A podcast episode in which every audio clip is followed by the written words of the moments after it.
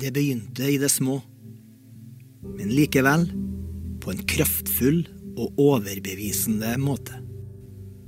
Gjennom hundre år har det vokst fram en livskraftig og sterk Guds menighet som har betydd veldig mye for utrolig mange mennesker.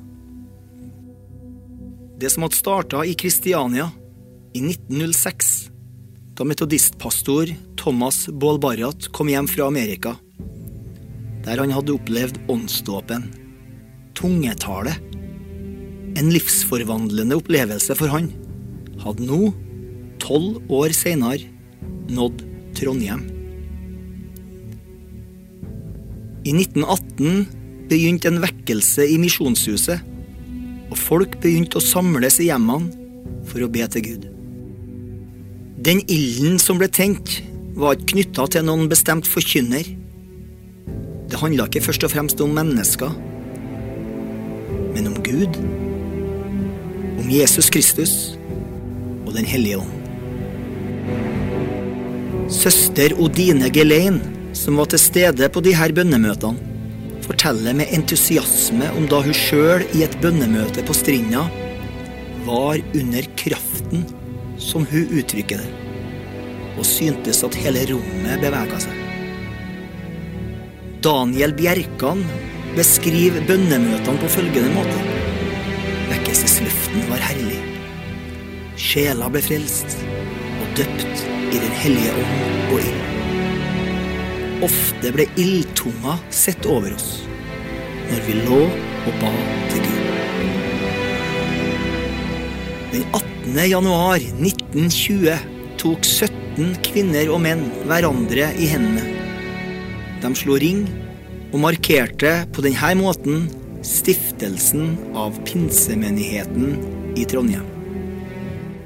Menigheten opplevde en eksplosiv vekst det første året. 145 personer ble opptatt som medlemmer, og av disse hadde over 100 blitt døpt, og nesten like mange åndsdøpt. I 1925, etter mye bønn til Gud, lyktes det å kjøpe eiendommen Esedals gate 1 og Prinsens gate 10B for til sammen 101 050 kroner.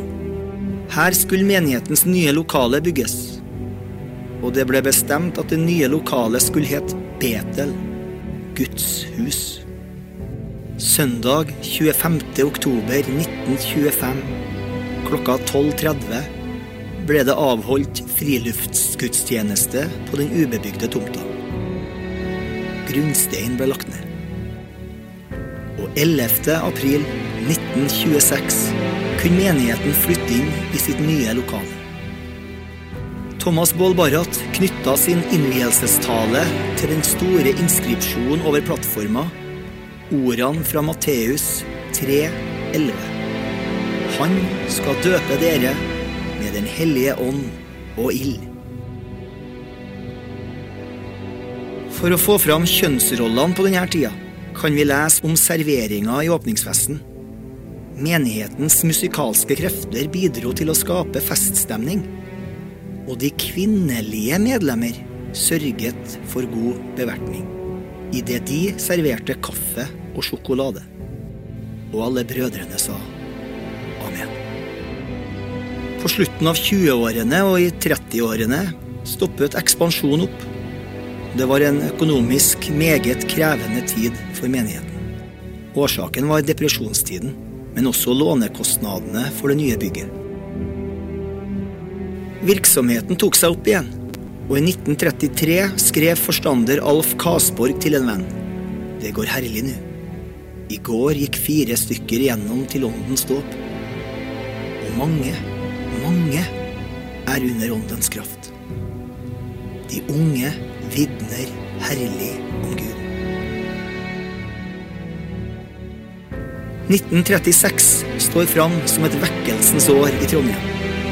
Pastor Frank Mangs kom til byen, og en betydelig vekkelse brøt ut. Mange opplevde da en dåp i Den hellige ånd og ild. Så kom krigen, og menigheten opplevde en vanskelig tid.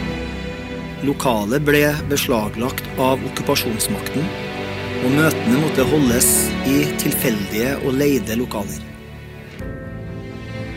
De fikk tilbake lokalet ved krigens slutt, men bygget var i meget dårlig forfatning. I sin årsrapport for året 1945 skrev Kolsås Årsmøtet i år må framfor alt stå i takksigelsens tegn.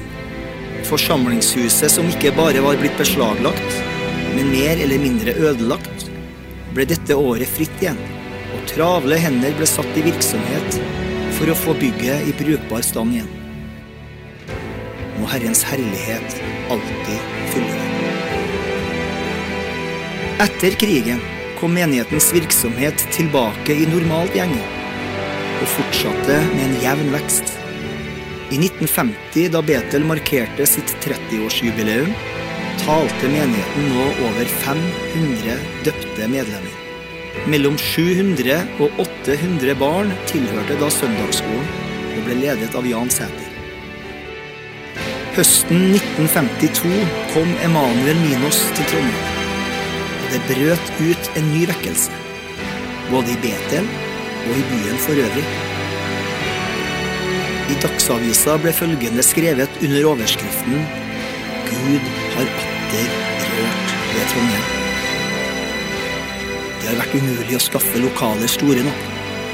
Man har hatt møter i Arbeiderforeningen, Studentersamfunnet og Frimurelosjen.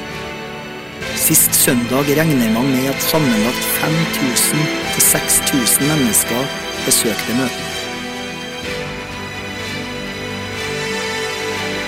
I 1970 feiret Betel 50 år, og antallet døpte medlemmer var nå 900 mennesker. Mye har også skjedd i Betel de siste 50 årene. Og det kan du lese om i vår nye jubileumsbok. Felles for alt som har skjedd, er at noen har grepet visjonen, bretta opp armene og bidratt med det man kan og det man har, for at Betel fortsatt kan være den bautaen i Trondheims kirkelandskap som vi alltid har vært, helt fra begynnelsen. Framtida ligger foran oss.